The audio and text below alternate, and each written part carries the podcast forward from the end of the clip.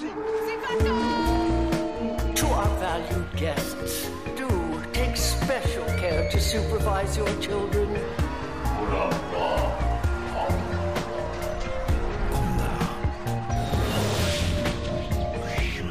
Het is weer ochtend in Pretparkland.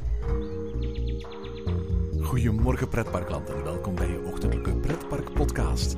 Mijn naam is Aaron Taats en samen met Danny van der Weel ga ik vanochtend vliegen.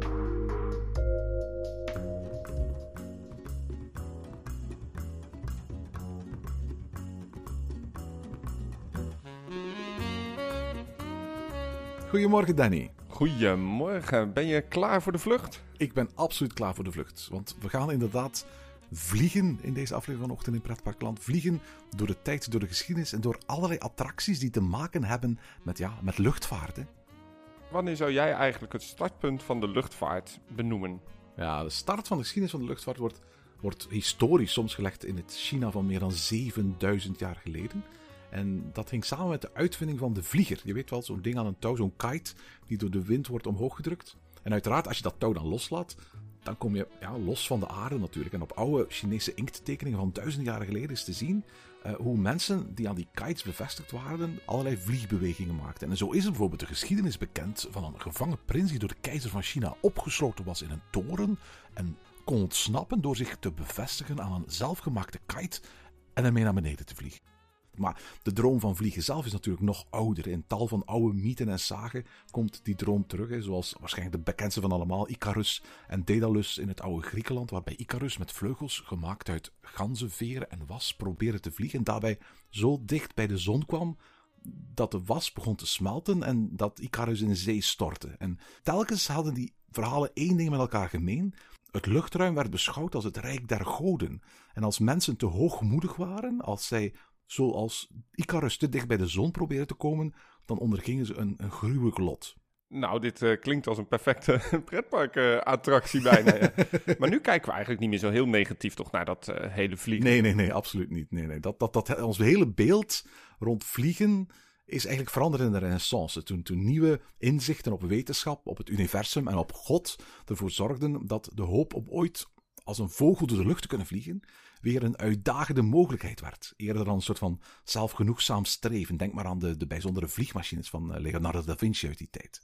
En, en, toen kwam in de 18e eeuw de industriële revolutie. En daardoor ontstonden tal van inzichten in wetenschap. En onder andere de wetten van de aerodynamica. En dat zorgde dan weer voor dat de wereld op korte tijd honderden verschillende machines zag ontstaan. En uiteraard ook de eerste machines die de start betekenden van de moderne luchtvaart. Denk maar aan de luchtballon, de luchtschepen, de zeppelins. En vanaf het midden van de 19e eeuw de allereerste vliegtuigen natuurlijk. Ja, de gebroeders Wright, uh, volgens mij, als ik mijn geschiedenis goed uh, voor me hou. Ja, het, het, is heel moeilijk om, om, om zomaar te zeggen van dit was het eerste vliegtuig, want er zijn zoveel pogingen ondernomen en elke poging was op een of andere manier weer, weer, weer terug te brengen op een vorige poging. Dus wat dat betreft is het, is niet zoiets als um, het eerste vliegtuig, maar men, men, men, men heeft wel een aantal eikpunten uitgezet in de geschiedenis op basis van de eerste transatlantische vlucht, de eerste vlucht uh, van de oost naar de westkust van de Verenigde Staten. En daar zijn inderdaad allemaal bekende en minder bekende namen aan gekoppeld natuurlijk. Trouwens, ochtend in pretpark, want het is een pretparkpodcast. Misschien wordt het tijd dat we het eens over pretparken hebben. Ook in pretpark is vliegen natuurlijk al van in het prille begin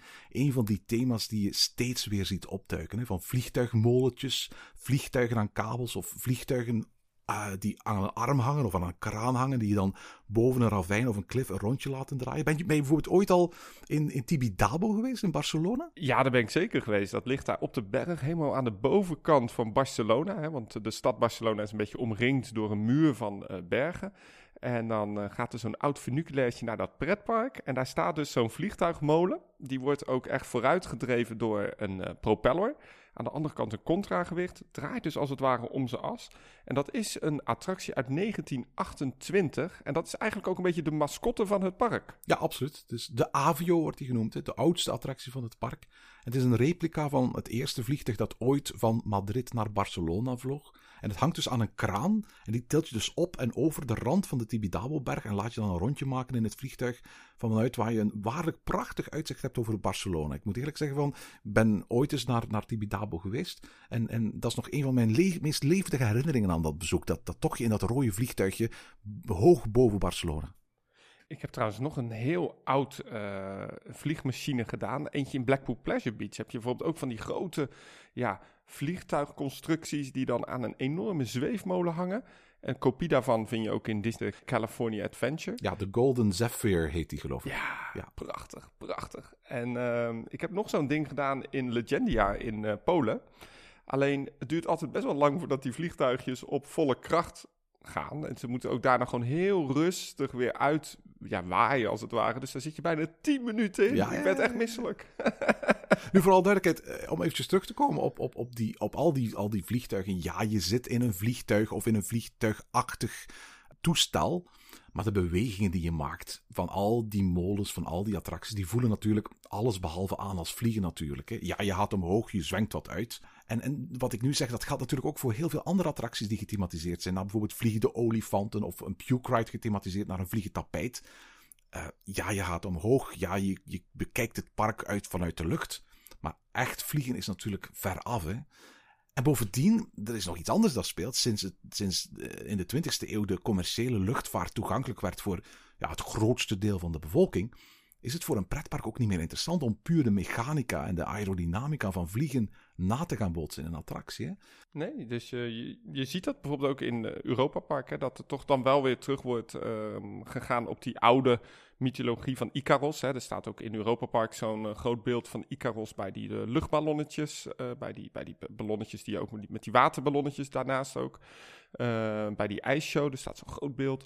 maar echt het mechanische daarvan, dat, dat is niet meer heel groot. Ja, Aviodroom heb je natuurlijk in Nederland, maar dat is meer een museum. Ja, dat is absoluut meer een museum. Het toont ook vooral waar we vandaan komen natuurlijk. Maar iedereen kan een vliegtuig nemen.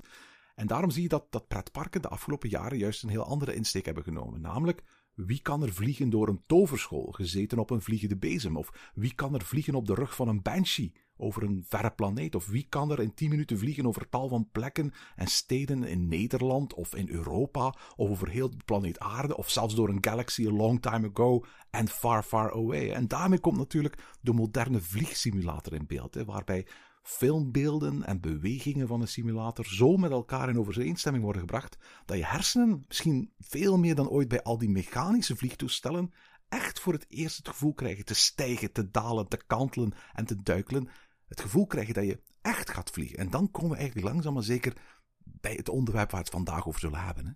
Ja, we gaan het hebben over simulatoren. En uh, dus niet achtbanen, niet van die molentjes, maar echt die, ja, die simulatoren met filmbeelden. Uh, en waar je dus echt dat gevoel hebt inderdaad om te vliegen. Mechanische attracties, uh, puur zang. Want weet je wat, wat misschien wel het meest herkenbare is van bijna al die simulatoren, vooral die oude generatie? dat vind ik altijd de geur. in elk Star Tours waar je in komt, heb je die speciale geur. En ik heb een beetje onderzoek gedaan waar nou die geur vandaan kwam. Dat wil ik wel eens weten, ja. Ja, heel veel mensen denken dat dat de geur van de olie is. Uh, maar dat is niet zo. Het is de geur van de zogenaamde actuators. En dan hoor ik je gelijk denken, wat zijn dat nou? Uh, nou, dat zijn eigenlijk die pistons die onder dat wagentje zitten onder die gondel zitten die als het ware die vluchtbeweging doen. Dat zal zeggen een soort van hydrauliek, maar dit werkt elektrisch. En uh, die geur die wordt veroorzaakt door de elektrische spanning en de lucht. En dan krijg je een soort chemische reactie. En dat ruik je heel sterk bij die, vooral die oude simulatoren. En dat uh, vooral bij Star Tours. Ik weet vooral in Disneyland. Ik kwam binnen, ik dacht, oh ja, dit is de geur van Star Tours. maar voor alle je zegt het nu wel, maar dat is ook de geur die ik associeer met de allereerste en alleroudste um, um, vliegsimulator die ik ooit heb gedaan. En dat was uh, de Astroliner in Bobbejaanland. Herinner je die simulator? Ja, ik heb hem gedaan in uh, Drievliet nog met mijn schoolreisjes vroeger. Ja, ja, ja. ja, ja het is een attractie. In 1976 is die op de markt gebracht. Uh, goedkoop, bedoeld voor, voor kermissen, maar heel wat parken hadden die ook. En is bedacht door de Amerikaanse kermisfabrikant Wisdom Rides uit Colorado voor de mensen die het niet kennen, eigenlijk, het, was, het stelde niet veel voor. Het was gewoon een soort van cilindervormige raket van 18 meter hoog en uh, eh, 5 meter breed. En die lag dus voor alle duidelijkheid, die, die stond niet omhoog, maar die lag dus min of meer horizontaal op een soort van hefboom, hè, met, met van die pistons waar je over, over sprak. Die kon dan omhoog en omlaag, in totaal zo'n meter of vier. En zo'n 100 graden kon hij heen en weer om zijn as draaien. Dus je ging er niet over de kop in. En je kon daar gaan inzetten in de eerste modellen met 26 personen, in de latere modellen, de grotere modellen, tot 40 personen. En je, je keek naar een scherm vooraan waar dan videobeelden getoond werden. Soms zo eenvoudig als een soort van tv waar een VHS-videorecorder aan vastgemaakt zat.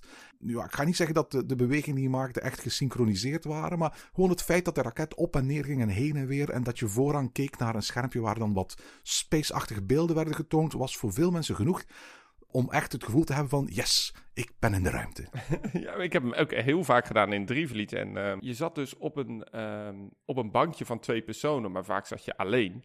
En je schoof heel de tijd gewoon heen en weer. Je zat ook niet vast. Uh, je ging altijd van het bankje naar links, rechts. en dat was altijd... Ja, het was eigenlijk vond ik dat toen heel sensationeel. Uh, in Bobbejaanland is hij geopend in 1979. Stond ook op het, op het voorplein. Dus als je, als je binnenkwam, dan had je vroeger zo'n zo'n piratenschip, de Santa Maria. Hè, uh, en, en vlak achter die Santa Maria bevond zich dan uh, die, die Astroliner. Um, en in België heeft hij ook gestaan in, in Teleco, het park dat nu Plopsaco is. En daar heet hij Vortex, is geopend in 1983. En in Nederland stond hij inderdaad onder meer in Drievliet, op de plaats waar nu de Glijbaanbrigade staat. En tot voor drie jaar kon je hem in Nederland ook nog doen in de Valkenier, waar hij de maanraket werd genoemd. Maar helaas hebben ze hem in 2018 te koop gezet. Aan de ene kant snap ik het wel, maar het is een stukje ja, pretparkhistorie. Hè? Ja, daar zat ik als kleine Danny hoor, te genieten van, uh, van zo'n vage video. ja, ja, ja. Astroliners zag je echt overal. Hè? Als je in de jaren 70, 80 of vroeg jaren 90 door Europa trok en je kwam in parken van Grönalund tot Blackpool, hadden ze allemaal varianten van die, van die, van die Astroliners. Uh, er zijn er in totaal meer dan 80 verschillende van gemaakt. En tot op vandaag kun je er vooral in Azië en in een aantal Amerikaanse parken, ik ken er geen meer in Europa eerlijk gezegd, mochten luisteraars weten waar in Europa nog zo'n Astroliner te vinden is in een park. Ik geloof dat er nog een paar rondtoeren op kermissen. Um, uh, laat het dan zeker weten. Het was echt een soort van ja, de boemerang van de, van de flight simulator eigenlijk. ja, daar zeg je wat, ja. Klopt helemaal, ja, ja, ja. Het is eigenlijk wel heel grappig dat uh, al die mooie ervaringen toch liggen in al die oude simulatoren. En misschien moeten we het nu toch eens hebben over wellicht de bekendste, maar ook misschien een van de eerste generatie nieuwe type simulatoren. En dan praten we over Star Tours. Helemaal gethematiseerd natuurlijk naar Star Wars, George Lucas. En het was het uh, idee van Michael Eisner, die was bij Boeing. En die was daar in het trainingscentrum. En daar stond zo'n uh, ja, vliegsimulator uh, om te oefenen. Om te, te, te, checken van, ja, voor die piloot om echt de training te doen in het geval van nood. En dan kunnen ze natuurlijk alles nabootsen. En uh, het was Michael Eisner die dacht: hey, hier zit misschien wel een attractie in voor Disneyland. Ja, absoluut. Star Wars was op dat moment natuurlijk nog geen eigendom van Disney. Maar Eisner stapte naar George Lucas en vroeg van: Hey, George Lucas, ik heb hier zo'n simulator en ik heb in jullie film gezien dat er zo'n Millennium Falcon is en daar wordt allerlei, uh, worden altijd allerlei vluchten in gemaakt. Zou het geen idee zijn om een Star Wars een attractie in, in Disneyland te maken? Want het is als eerste geopend in Disneyland in Anaheim. Gebruik maken van die technologie. En de creatieve geest van Lucasfilm aan de ene kant en Disney Imagineering aan de andere kant hebben daar toen Star Tours van gemaakt. We hebben al eerder aflevering gemaakt over Star Tours, dus daar gaan we niet al te diep op ingaan. Maar, maar, maar dat, dat was echt een soort van schot in de roos van dag 1. En diezelfde techniek zou later door Disney aangewend worden voor tal van andere simulatoren. Van Body Wars in Epcot tot de Iron Man Experience in Hongkong Disneyland. En dan in grotere versie eerst de Storm Rider en nu de Nemo and Friends Sea Rider in, in Tokyo Disney Sea. Steeds weer bakken waar je met z'n 20 en 30 en in het geval van Tokyo meer dan 40 man tegelijkertijd in wordt gezet die heen en weer bewegen terwijl je naar een scherm voor je kijkt. En de bewegingen zijn natuurlijk volledig gesynchroniseerd op de beelden die je ziet. Ja, ik heb in uh, 2007, zoals sommigen wel weten, ook gewerkt in Disney World. En uh, toen stond ik in het Icon Area van de toenmalige Disney MGM Studios. Ja. En daar was ook uh, Star Tours onderdeel van. Dus ik moest af en toe ook helpen bij Star Tours. En we hadden een keer een evacuatie van het pand, omdat er dus een filmrol vastliep in zo'n simulator. Oh, dus mocht ik een keer ja, backstage kijken. En uh, er hing echt onder die machine zo'n filmrol nog van vroeger. Praat je over 2007.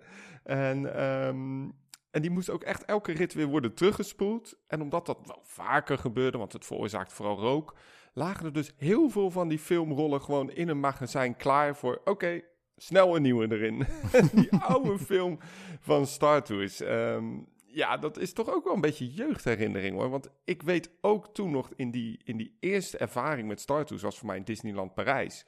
Ja, dat was toch sensationeel. En, en het mooie van Star Tours en het mooie van Disney in het algemeen is, ja, die beleving die klopt. Hè? Dus de muziek, de, bewegingen, de film, uh, de animatronic die erin zat natuurlijk van Rex.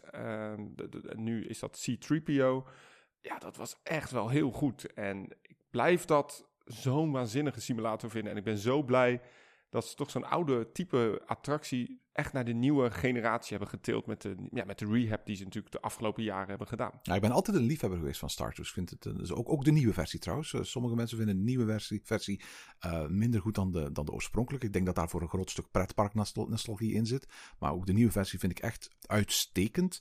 Uh, en uiteindelijk verbaas ik mij over dat, dat voor zo'n oude attractie. Want voor alle duidelijkheid, die attractie dateert uit 1987 en in, in, in Disneyland Parijs uit 1992. Dat is al heel lang geleden. Dat dat effect toch altijd zo goed werkt. Dat dat systeem, de, uiteraard, de film is ondertussen gedigitaliseerd. De schermen zijn, zijn high definition geworden. Maar in principe, het, het toestel zelf, de simulator zelf, is in wezen niets, niets veranderd. Maar tot op vandaag geeft dat een zeer overtuigende ervaring mee. Absoluut, absoluut. En ik denk dat hier ook wel een belangrijk punt wordt aangesneden uh, voordat we verder gaan in de tijdlijn. Dat bij simulatoren moet het altijd wel kloppen. Want op het moment dat een beweging net niet lekker loopt, op het moment dat het beeld even hapert, op het moment dat het geluid niet is afgestemd op de, op het, op het, op de film, ah, dan word je uit die beleving gehaald. En dan denk je, oh ja, het is nep. Maar ik vind dat zo goed dat je in Star Tours echt in zo'n ja, capsule zit. Je ziet niks van de buitenkant. Je bent alleen maar bezig met die film. En dan ook die lichte effecten die dat versterken. Uh, met dat hologram-effect. Ja, ik, ik vind dat heel knap gedaan van Disney. En uh, het is eigenlijk jammer dat mm, misschien Disney de enige is die dat kunstje echt heel goed kan. Want het was natuurlijk dat als Disney iets bouwt, dan bouwt iedereen het. Disney is natuurlijk een groot voorbeeld voor heel veel parken. Want daarna was volgens mij de ontwikkeling ook niet meer te stoppen van dit soort simulatoren. Hè? Want overal zag je ze verschijnen. Absoluut, absoluut. En, en we hebben inderdaad gezien dat zulke attracties bij ons, zelfs bij ons in de buurt, overal verschenen zijn. En toen, toen Movie Park Germany opende als Warner Brothers Movie World in Botrop uh, in 1996, zagen we daar vier jaar nadat Star Tours geopend was in Disneyland Parijs, in één keer Batman tevoorschijn komt. De Batman Abenteuer heette die attractie. Die is nu herthematiseerd omdat ze licentie kwijtgeraakt zijn naar uh, Time Riders in Movie Park Germany. Ja, met John Cleese volgens mij nog. Uh... Absoluut. Mag ik trouwens, voordat we verder gaan, wil ik daar even een, een kleine stop maken.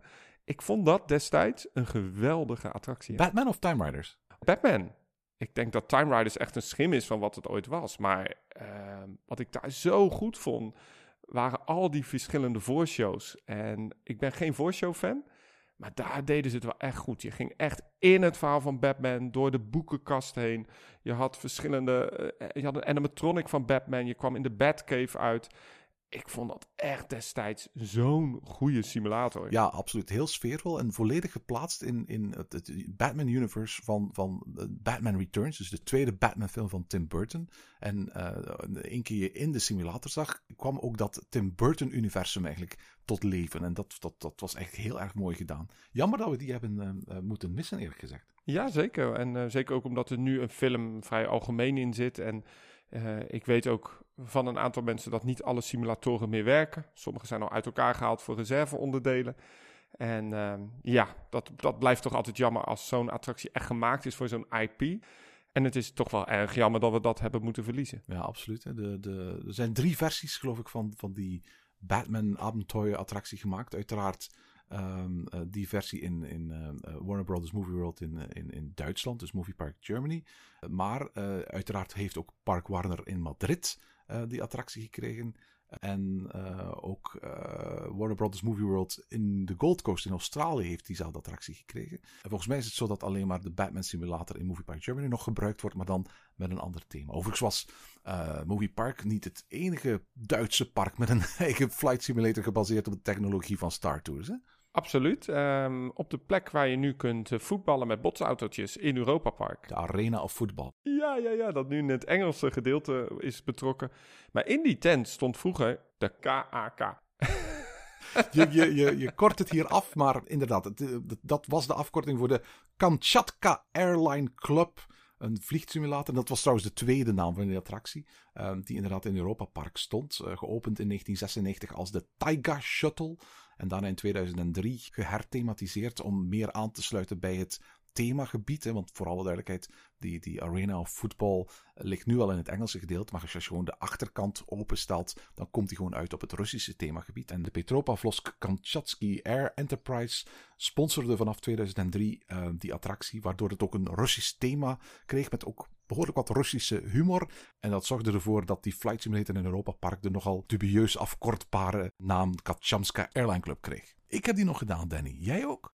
Ja, ja, ja zeker. Ehm, overigens, die club werd dan ook met een K gespeld. Dus volgens mij stond ook echt op die, op die gevel stond K-A-K. ik, heb het, ik, heb, ik heb het nog verschillende keren gedaan bij mijn eerste bezoek aan, aan, aan Europa Park. Ehm, ik, ik wist zelfs de eerste keer helemaal niet wat voor attractie het was. Ik wist zelfs niet dat ze een flight simulator hadden. Ja, dat had ik ook. Ik ging naar binnen. Ik dacht van, wat is dit? En je kwam een, een, een rare animatronic tegen. Je kwam een rare scène tegen. Ik dacht, wat is dit? Is dit nou weer zo'n dark ride? Zo'n zo'n sneeuwvlokken? ja, ik herinner me echt een soort van voorshow. Uh, waarbij uh, nogal zeer vrouwonvriendelijk een, een stewardess voorovergebogen zat op een verhoogje. Waardoor je als publiek niet zoveel moeite hoefde te doen om onder haar rok te kijken. En, en met dat decor begon eigenlijk bij een voorshow over technische problemen die het vliegtuig had voor het kon vertrekken. En voor je goed en wel wist van waar je precies in terecht gekomen was, zat je bij nog een voorshow en kwam je uiteindelijk in een flight simulator terecht. Het waren relatief kleine flight simulators. Ik geloof een man of 15 of zo die, die erin konden. Dus niet zo groot als heel Star Tours. En um, ja, wat je zag was ook heel raar. Hè? Ja, ik herinner me nog, maar ik moet heel diep graven. Een soort van halve achtbaanrit. in de ruimte. Ja, ik denk ook dat je niet echt naar echte beelden zat te kijken, maar voor een groot stuk ook uh, digitaal geproduceerde, nogal trippy beelden. Uh, die echt met een soort van ja, typische jaren 80, 90 um, Eurobeats soundtrack uh, je in de sfeer moesten brengen van, nou ja, dat hele Russische sfeertje daar. Ja, ik snap dat ze het hebben weggehaald. Maar de attractie heeft volgens mij ook nog ineens tien jaar gestaan of zo. Nee, volgens mij was het ook geen permanente attractie. Dus zoals je zelf zegt, het stond in een tent. Uh, en volgens mij was de simulator ook een rondreizen, mobiel model. Dat ze tijdelijk uh, op die plek hadden gezet. En dat daardoor ook relatief makkelijk en goedkoop geherthematiseerd kon worden. Uh, als de sponsor zou veranderen ik heb nog altijd ook dat gevoel voor de arena of voetbal. Ook dat geeft al bij al nog altijd een zeer tijdelijke indruk. En het zou me niet verbazen mocht op een bepaald moment Europa Park ook daar eens uh, plaatsmaken voor een iets, iets definitievere attractie of een iets definitiever thema dan wat er nu staat. Maar inderdaad, ook Europa Park heeft voor een jaar of tien in zijn geschiedenis echt een, een vliegsimulator gehad. Hè? Nu, we hadden het over Star Tours, waar uh, Batman Abenteuer, Time Riders, uh, de Taiga Shuttle, de Kamchatka Airline Club op geïnspireerd waren. Maar uiteraard was het zo dat als je het hebt over Disney, dat zeker in Orlando er dan automatisch een tegenreactie volgt van, van, van Universal. Heel kort nadat Star Tours openging, kwamen ze met een eigen uh, variant. En dat werd de Fantastic World of Hanna-Barbera. Is geopend in 1990. En, en het grote verschil met, met, met, met uh, de Star Tours en alle andere varianten van flight simulators waar we het tot nu toe over hadden, was bij die flight simulators was er een soort van één op één beleving tussen uh, de passagiers van de, de simulator en de beelden die je zag. Dat was bij Fantastic World of Hanna-Barbera niet het geval. Daar zat je in een grote zaal voor een groot scherm daar stonden een aantal, ik geloof een achttal verschillende simulators in. En eigenlijk was het zo dat als je gewoon naar links of naar rechts keek, dan zag je ook de andere simulators bewegen voor dat scherm. Het was bij wijze spreken alsof je gewoon in een grote bioscoop zat met bewegende zitjes. Maar de bewegende zitjes, dat waren geen bewegende zitjes zoals je soms wel 4 of 5D-zalen hebt. Maar beweegde bakken waar je echt in groep heen en weer bewoog. En uiteraard, omwille van het feit dat het uiteindelijk maar een bioscoop was, kon je, dat ook, kon je die film ook makkelijk vervangen.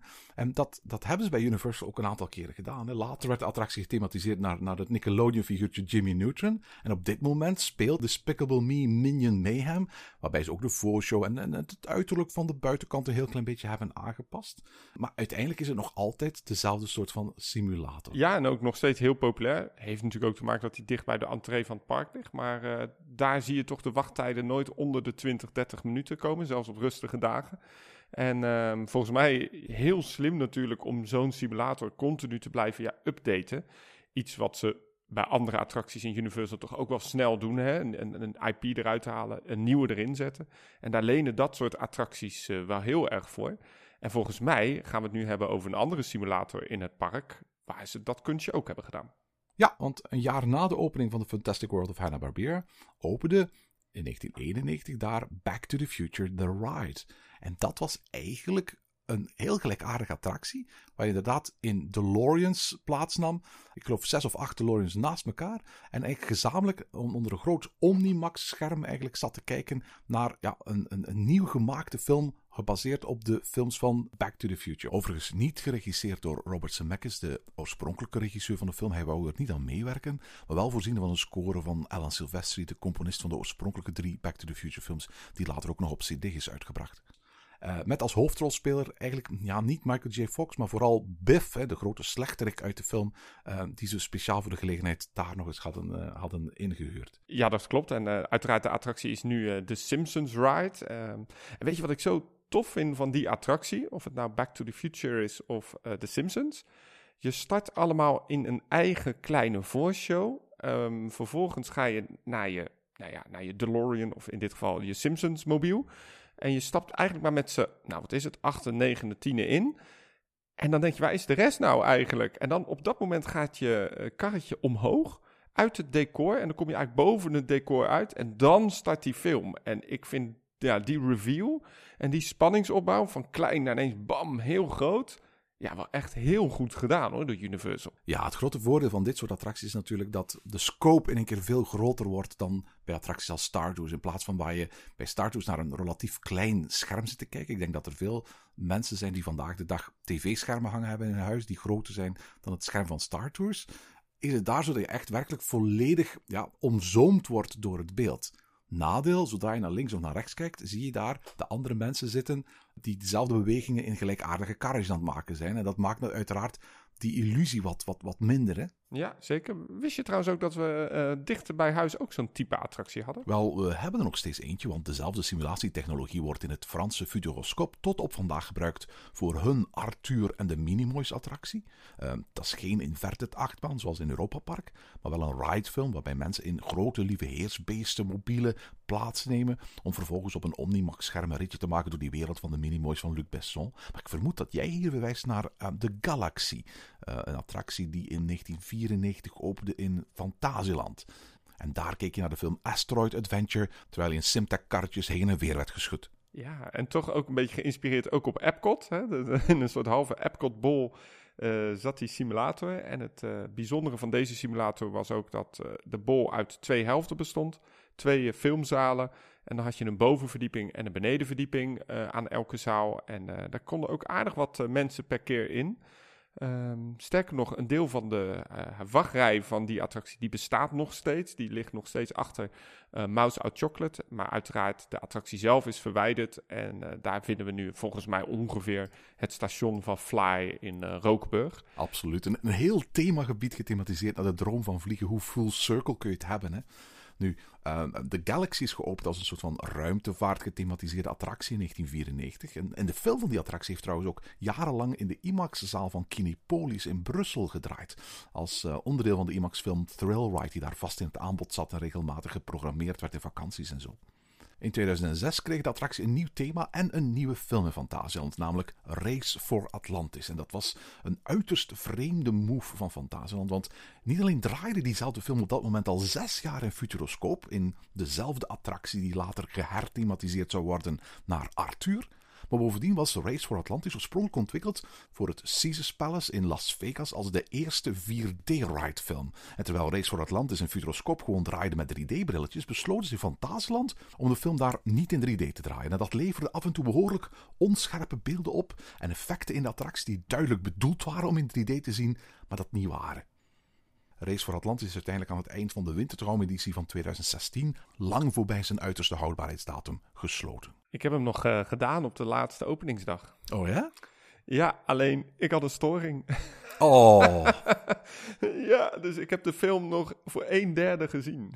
Ze hebben niet meer de moeite gedaan om te zeggen van je mag nog eens opnieuw komen of zo. Nou ja, was volgens mij echt kapot kapot. En uh, we kregen een, oh, okay. een fastpass om eventueel later op de dag nog terug te komen. Ja goed, er zijn natuurlijk betere attracties in het park. En ik moet je heel eerlijk zeggen dat ik eigenlijk stiekem wel blij was dat hij naar een derde kapot ging. dat was zo vreselijk pijnlijk. Wat mij nog het meeste bijbleef van die attractie Fantasieland, dat is die voorshow met de god Poseidon, uh, die gespeeld werd door ja, gewoon een soort, soort, soort, soort sitcom-acteur uit de jaren tachtig. en die wachtrij stond ook zo'n animatronic dat je echt dacht van, nou... Wist je trouwens dat um, Fantasieland heel lang nog maar met één filmzaal heeft gedraaid? En dat de andere filmzaal heel lang is gebruikt als opslag en als een soort museum. Eh, men heeft daar heel veel requisieten van oude attracties eh, neergelegd. En, eh, ehm, maar helaas heeft Fantasieland te weinig ruimte. Ze hebben heel veel van die, ja, van die oude meuk, van die oude zooi. Wat voor ons als pretparkfans natuurlijk de holy grail vaak is. Hebben ze helaas moeten weggooien, omdat ze gewoon geen ruimte meer hadden.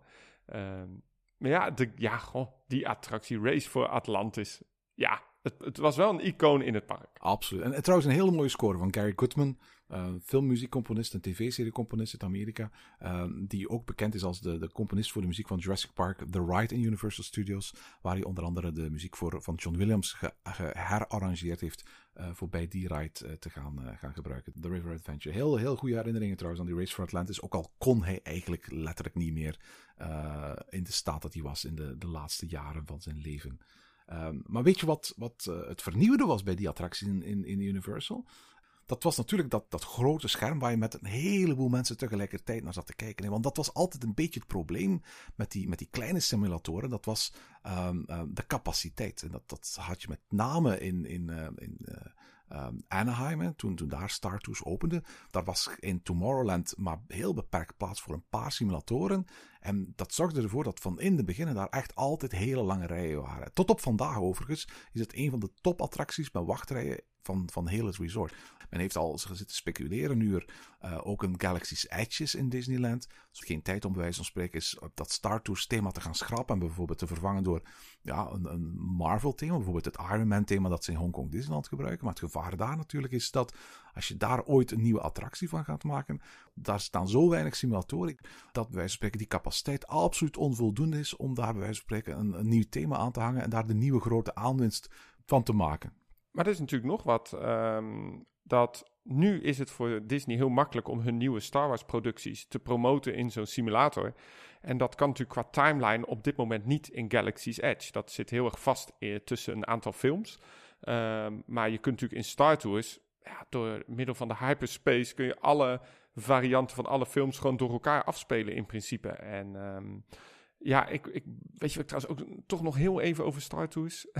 ik blijf hem zo goed vinden, maar ik vind die, die randomized daar zo goed. Die halingsfactor van heel veel van die attracties is zo laag, maar in Star Tours, ook daar weten ze dat toch wel goed te doen. Hoor. Ja, in elk geval capaciteitsprobleem. Dat, dat hadden die dingen. En uiteraard, naarmate themaparken steeds meer bezoekers krijgen, uh, worden attracties met een lage capaciteit, zeker voor de grote Universals en Disney's van deze wereld, steeds minder interessant natuurlijk.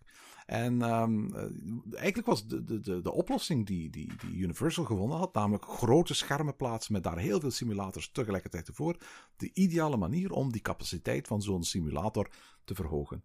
Toen Disney begon te werken in, aan het eind van de jaren 90 aan uh, de plannen voor Disney's California Adventure, dachten ze van, ja weet je wat, eigenlijk moeten we daar ook een simulator hebben. Eigenlijk past een vliegsimulator perfect in dat park. Want uiteraard, Californië is de grootste luchtvaartstaat van de hele Verenigde Staten. De geboorteplaats van heel veel vliegtuigpioniers. Uh, er zijn heel veel vliegtuigfabrieken, vliegtuigmusea, trainingskampen van de Amerikaanse Air Force aanwezig in, in, in Californië. De vliegtuiggeschiedenis in Californië zijn zo met elkaar vervlochten dat als je een pretpark gaat bouwen dat gethematiseerd is naar de Golden State, dat dan maar eigenlijk logisch is dat, dat daar een themagebied komt waar als het ware die vliegtuiggeschiedenis van Californië ook in aan bod zou kunnen komen de centrale attractie in dat themagebied, dat moet een simulator worden. En dat werd uiteindelijk Soarin' over California. En toen het park in 2001 openging, Disney's California Adventure, uh, was Soarin' eigenlijk meteen ook de nummer één attractie van het park. Er waren al niet superveel attracties, maar die attractie, dat, die simulator, die een combinatie was aan de ene kant van, van alle expertise die ze hadden opgebouwd met Star Tours en, en, en Body Wars en, en, en, en zo, en tegelijkertijd het principe dat ze deels hadden afgekeken bij Universal, namelijk het plaatsen van een heel, heel groot publiek aan mensen voor een groot scherm. Dat was meteen uiteraard een, een doorslaand succes. 87 mensen per keer namen plaats voor een um, Omnimax-scherm. Uh, je ging vliegen over allerlei bekende hotspots uh, in Californië. Op prachtige muziek van Jerry Goldsmith. En dat begeleid door bewegingen, geluiden, wind- en water- en geureffecten. En van dag één, hè, want er was eigenlijk uh, nog geen sprake van fastpass op dat moment. stonden er urenlange rijen bij, bij, bij Soren over Californië. Of Soren zoals hij later is afgekort. Ach, ja, en echt de eerste keer dat ik hem deed was in Epcot. Uiteraard is hij ook wat gekopieerd. In, in, in Disney World staat hij in Epcot. En Soarin, eh, zo'n versie staat ook in Shanghai eh, Disneyland. Ja, en in Tokio ook is sinds vorig jaar. Oh ja, tuurlijk. Ja, in Disney Sea. Klopt, ja. En eh, het leuke daarvan is dat die attractie, als je op de goede plaats zit, dan is dat zo'n sterke beleving. Maar nu ga ik je een verhaal vertellen. Ik was in ehm, Warner Brothers eh, Movie World in Abu Dhabi. Ja. En ik was daar, uiteraard ging ik een vlogje maken en ik kreeg daar een, een mevrouw mee die ons dan begeleidde. En wij moesten een keer 10 minuten wachten. En dat komt niet van die vrouw. Dus wij kregen een fastpass. Nou, je weet hoe rustig het is, ook aan de hand van de eerdere podcast die we daarover hebben opgenomen, dat zo'n fastpass totaal niet noodzakelijk is in het park, maar wij kregen een fastpass. Dus wij komen daarbij de Green Lantern Flight uit, dus een, ook een flying simulator, en over het type komen we zo nog wel terug. Maar ehm, die mensen waren zo vriendelijk en die zeggen, ja, kom maar als eerste naar binnen, kom maar. Dat is niet dankbaar natuurlijk, hè? Nee, maar dat is exact waar ik heen wil. Bij dit soort simulatoren moet je altijd op de juiste plek zitten. Dat is bij Sorin op B1. En in al die andere simulatoren, ja, toch het liefst zo veel mogelijk in het midden. Ehm, en bij elke simulator heb je wel ja, de sweet spot. Maar dat vond ik toen zo jammer eigenlijk dat we zo'n fastpass hadden. En dat die mensen eigenlijk te servicegericht waren. En ja, dan zit je eigenlijk een beetje aan de zijkant van zo'n scherm. En ook bij Sorin verpest het toch wel als je gewoon boven je de voeten ziet hangen van andere mensen. En ik zeg altijd maar zo, vraag gewoon aan die medewerkers, mag ik alsjeblieft in B1 zitten? Ja, absoluut. Want misschien moeten we even vertellen voor de mensen die absoluut geen idee hebben wat Soren is. Soren is een vliegsimulator. Die neemt plaats in, in, een, reeks van zitjes. Ik geloof dat er negen verschillende rijen zijn bij Soren in de, in de Disneyparken. Die negen rijen hangen per drie vast aan een soort van kraan. En die kraan tilt aan het begin van de film die, die rijen per drie naar omhoog. En daardoor ontstaan eigenlijk drie verdiepingen, drie etages van, van waarop je als het ware naar de filmbeelden kunt kijken. Een onderste, een middelste en een bovenste. Maar dus als je inderdaad de, de middelste of de onderste rij hangt, dan zie je telkens de benen van de persoon in de rij boven je uh, hangen. Terwijl helemaal bovenin heb je dat probleem niet. Nu zou je denken van ja, dan heb je uh, misschien last omdat je de randen van het scherm ziet, maar ook daar heeft Disney aan gedacht. Men heeft dan namelijk een soort van, van, van luifel uh, boven de, de, de, de, zitjes aangebracht die naar beneden klapt, zodat als het ware de rand van het scherm volledig um, uh, onzichtbaar wordt. En je eigenlijk, als je helemaal bovenin plaatsneemt in het midden, in, zoals jij zelf al zei, rij B1, je echt de meest sublieme flight simulator experience hebt die je maar kunt bedenken. Hè? Ja, zeker. En uh, helaas in bijvoorbeeld Shanghai kreeg ik die versie niet. Dus ik moest toen plaatsnemen op C1. En ja, dan, dan, dan zit je gewoon niet echt lekker. Um, trouwens, die luifel waar je het over had, het mooie wat Disney daarmee heeft gedaan, is één, hè, je, je, je, je focus wordt eigenlijk kleiner, zoals je ook nog wel eens die theaterspots uh, ja, gaat richten. Hè. Dan kun je ook van die klepjes voor hangen, zodat dat iets gerichter is, je, je, het licht. Dus ook in, bij dit soort attracties is, hebben ze dat gedaan om je blik wat meer te richten. Maar in die luifel zitten natuurlijk ook een hoop effecten. Uh, daar zit een windmachine in, daar zit, komt er geur uit, daar komt wat water uit. En uh, ik heb dat ook altijd heel slim gevonden om vanuit een probleem zo'n goede oplossing te kunnen creëren. Hè. Dus het probleem is, je wil mensen wat meer focussen op het scherm. Uh, Oké, dus dan maken we een, een, een, luifel. En in die luifel kunnen we dan ook nog techniek verstoppen. En um, ja, de vrijheid ook van Sorry, maar ook die effect, hoe dat is afgestemd, dat maakt dat toch wel een van de betere simulatoren. Hoewel ook in de rehab toch wel wat op te merken is over ja, de vorm van het scherm en de beelden. Ja, moeten, we moeten eigenlijk wel zeggen van, we hebben het de hele tijd over Soren, maar eigenlijk zijn tot nu toe twee varianten van Soren in de Disneyparken uh, te vinden geweest. De, de, attractie opende in 2001 in Disney California met de film Soren over California, wat een, een, een ULM-vlucht is eigenlijk over de staat Californië. In 2016 is de film vervangen door een nieuwe versie, Soarin' Around the World. En die is in 2016 gaan draaien in zowel Disney California Adventure als in Epcot. In de versies die daarna erbij gekomen zijn, in Shanghai Disneyland en Tokyo uh, Disney Sea, is het zo dat ook daar dezelfde film draait. Uh, in Shanghai Disneyland onder de naam Soarin' Over the Horizon, in Tokyo Disney Sea onder de naam Soarin' Fantastic Flight. Maar het gaat om diezelfde film. Maar het is wel zo dat voor geregelde tijdstippen, omwille van de populariteit in Disney California Adventure, de oorspronkelijke Californische film, af en toe al eens terug te zien is geweest. In de andere parken draait eigenlijk sinds 2016 constant die, die, die Soarin' Around the World film. En wat mij betreft, ja, het is een zekere spectaculairdere film. Die is beter op zijn plaats dan een film over Californië in Epcot en die, die, die Aziatische parken. Maar zoals je zelf zegt, er zijn ook wel wat problemen mee. Hè?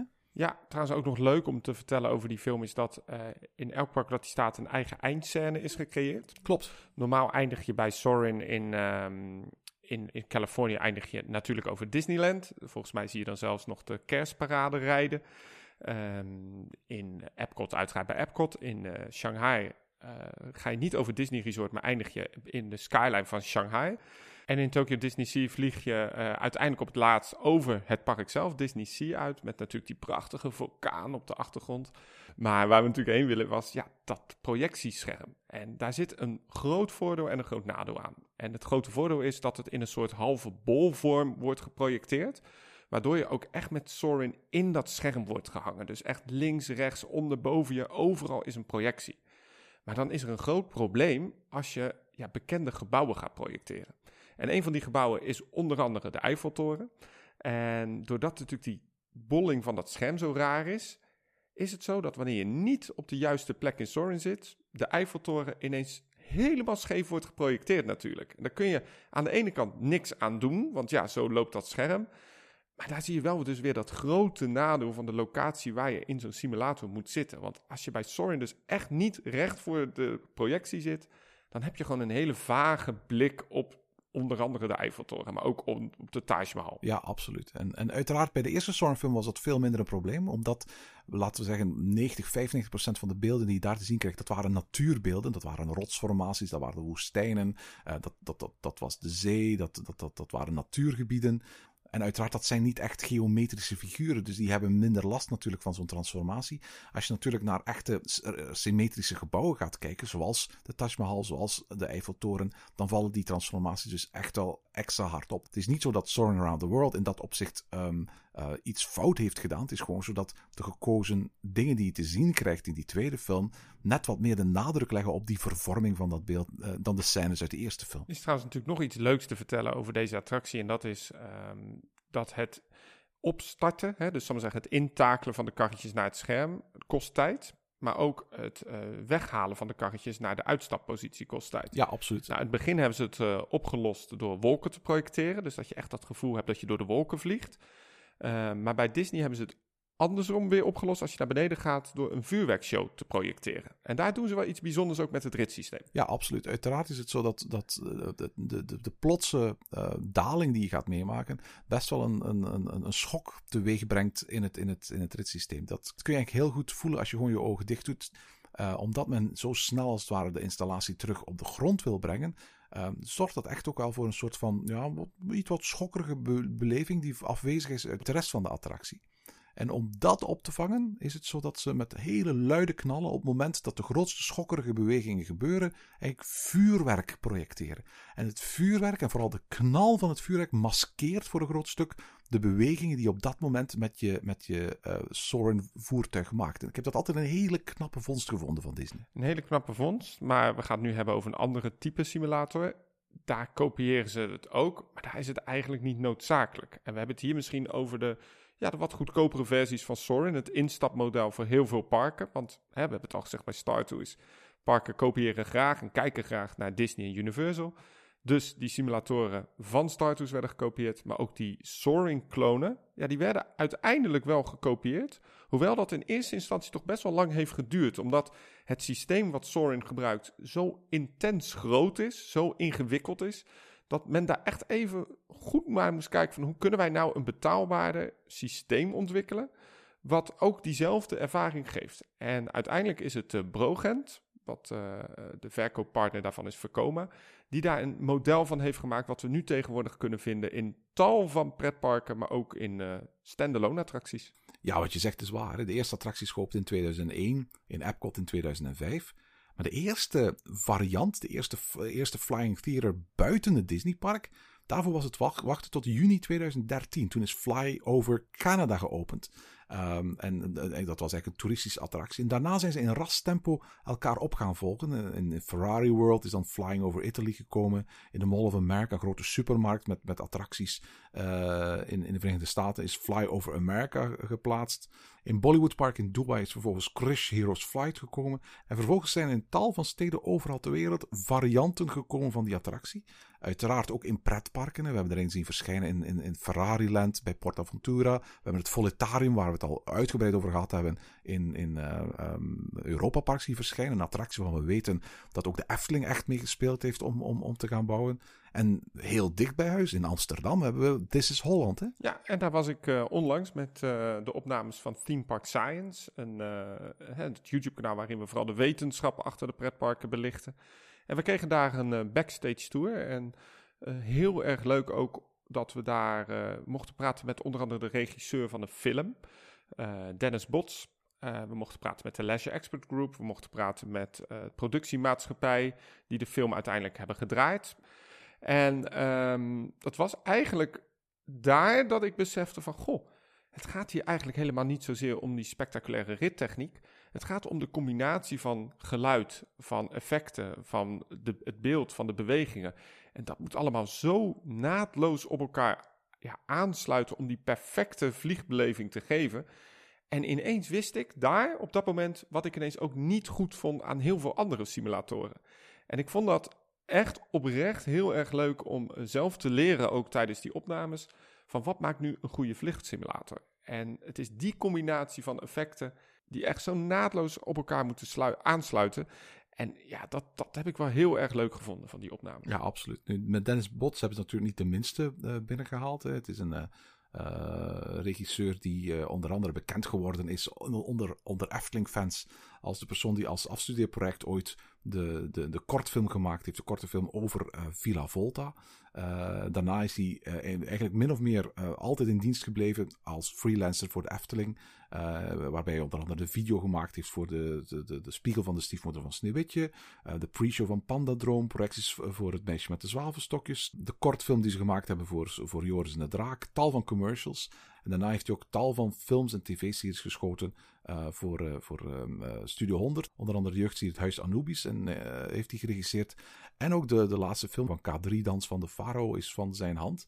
Maar inderdaad, ook dat soort projecten, daar blijkt hij zich echt wel in te kunnen vinden. Hè? Nou, wat ik heel leuk vond is, ik, ik ik denk zelf altijd heel praktisch. Ik denk van, nou, je wil een vluchtsimulator, dus zo'n film neem je een beetje op met zo'n helikopter en dan is het goed. Maar uh, hij heeft daar heel erg nagedacht over welke beelden passen nou bij welke beweging. Hè? Dus als we met het beeld naar rechts gaan, dan uh, moet die machine ook naar rechts. Maar dat betekent dus in het volgende shot dat je niet ineens weer naar links kunt gaan. Omdat dan die machine ineens heel snel naar links moet worden afgesteld. Nou, dat maakt je misselijk. Dat, maakt je niet, uh, dat, dat, dat is niet goed voor de flow van de film. Dus hij heeft heel erg nagedacht over: oké, als we nu rechtdoor vliegen, dan moeten we over een kanaal. En dat kanaal kan dan in de edit veranderen naar een vluchthaven, Schiphol.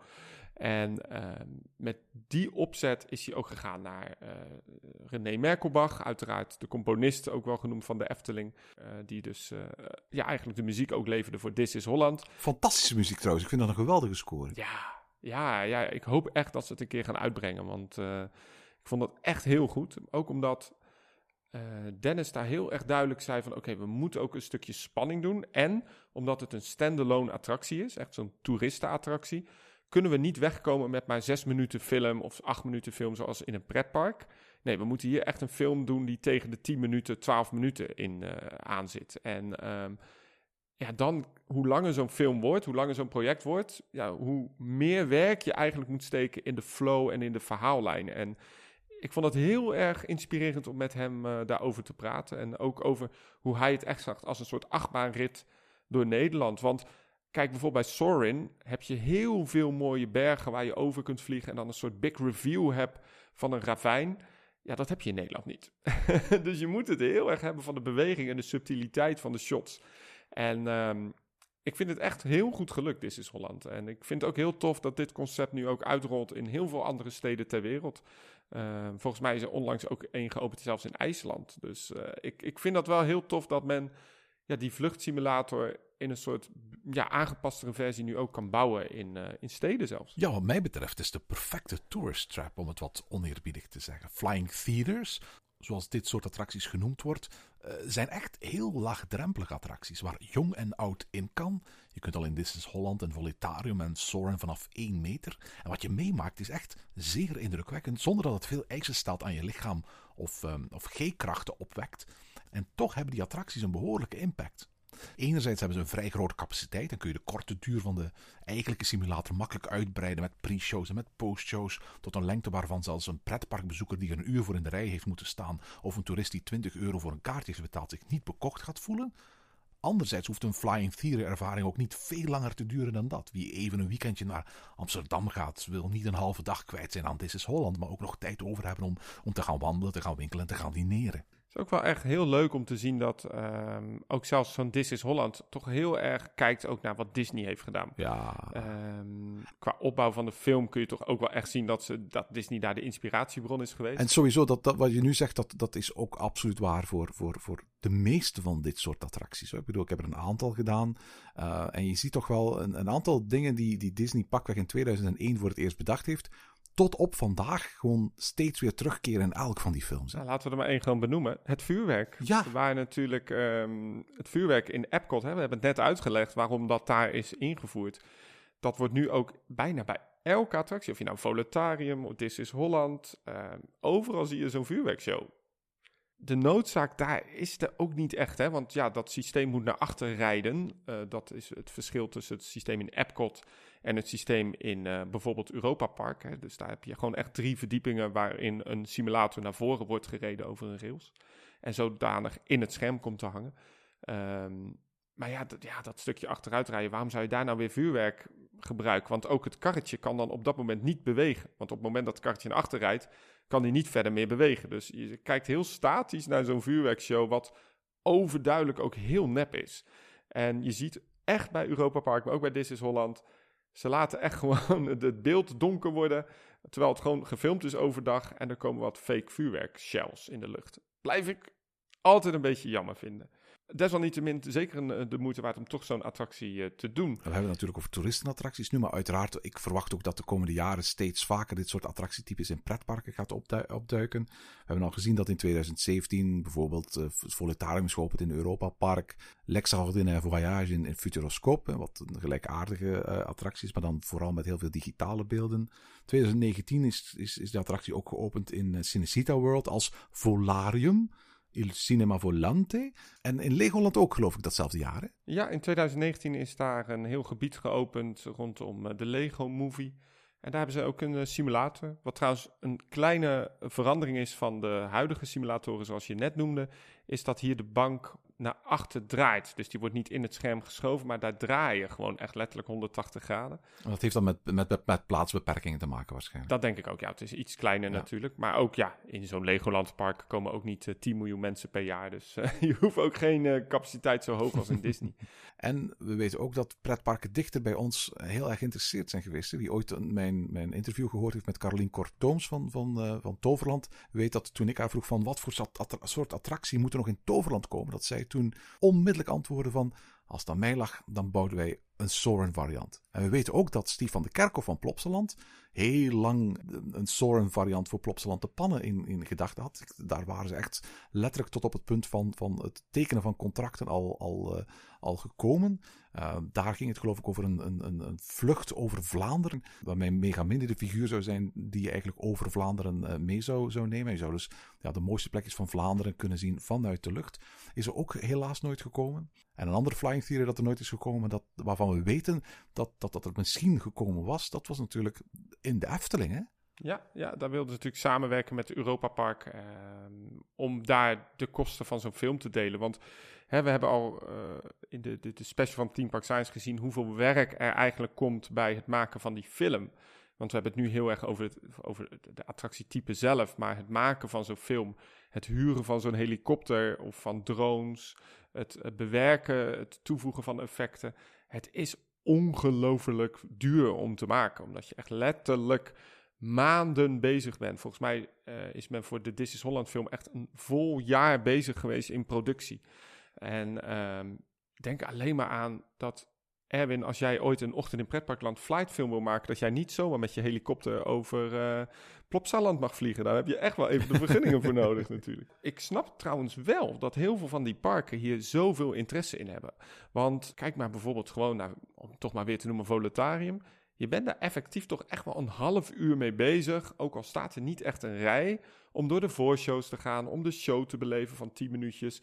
De hele ervaring duurt best lang. Dus je, je, je, je geeft je bezoekers echt wel een flinke ervaring van een, echt een aantal minuten. Wat natuurlijk voor zo'n pretpark wel heel fijn is. Om dus zo'n dagbezoek echt wel te verlengen aan attractietijd. Ja, absoluut. En ik denk dat, dat, dat zo'n attractie zich, eh, gezien de enorme populariteit, ook wel snel terugbetaalt. Nu vooral duidelijk, moet het wel in zijn, in zijn tijd plaatsen. Hè? De attractie, de allereerste variant van deze attractie opende in, in, in 2001. Um, toen was er eigenlijk nog amper sprake van, van, van drones die grote high-definition 4K beelden konden maken. Vandaag de dag is dat enigszins veranderd. Europese wetgeving is daar ook op aangepast. Eh, waarbij het maken van dronebeelden ja, bijna in het handbereik zijn van, van, van iedereen met wat interesse, geld en, en de wil om een, eh, een vliegbrevet te halen. En je moet ook niet veel moeite doen om van ja, zo'n beetje mm, heel de wereld fantastische dronebeelden te zien. Ondersteund door prachtige muziek.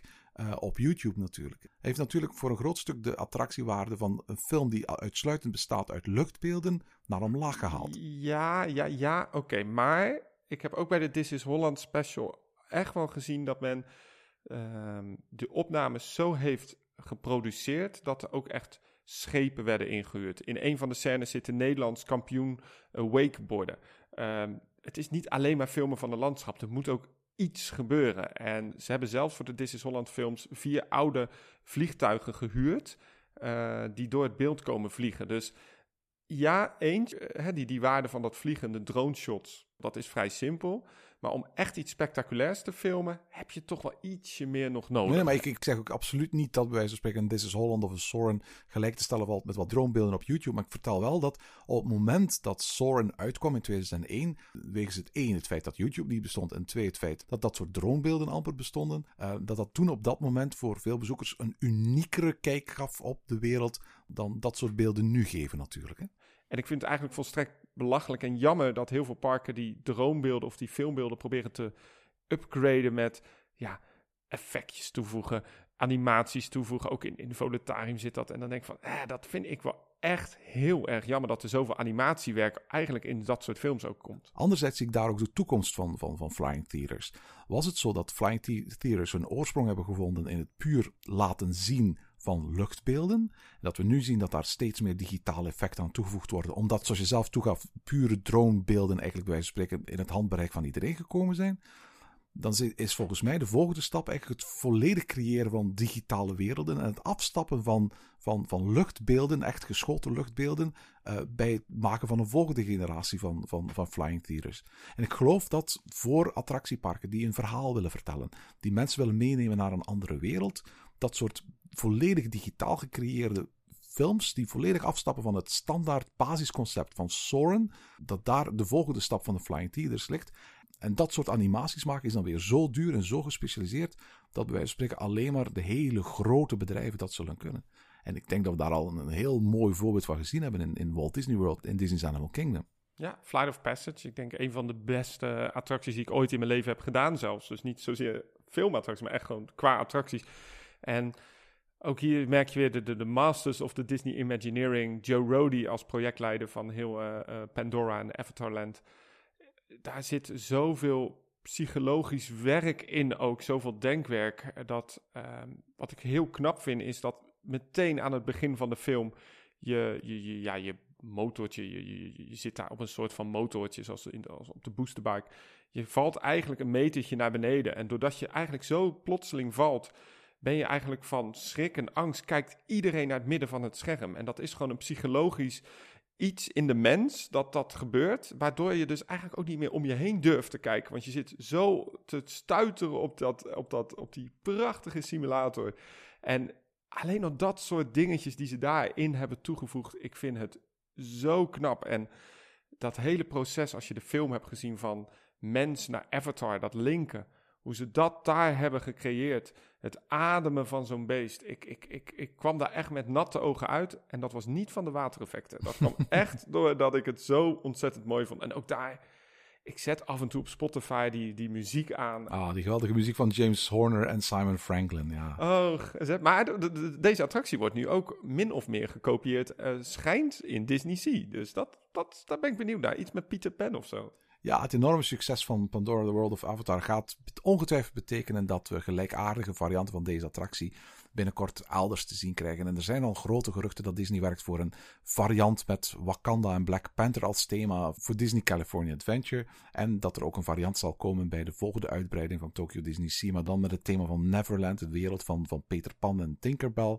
En, en uiteraard alles wat, wat vliegt en door de lucht klieft, is natuurlijk adembenemend materiaal voor een, een, een attractie die opnieuw als het ware die droom van vliegen dichter bij de gast brengt natuurlijk. en er is natuurlijk nog een, eh, een onlangs geopende attracties in zowel Disneyland als in Walt Disney World.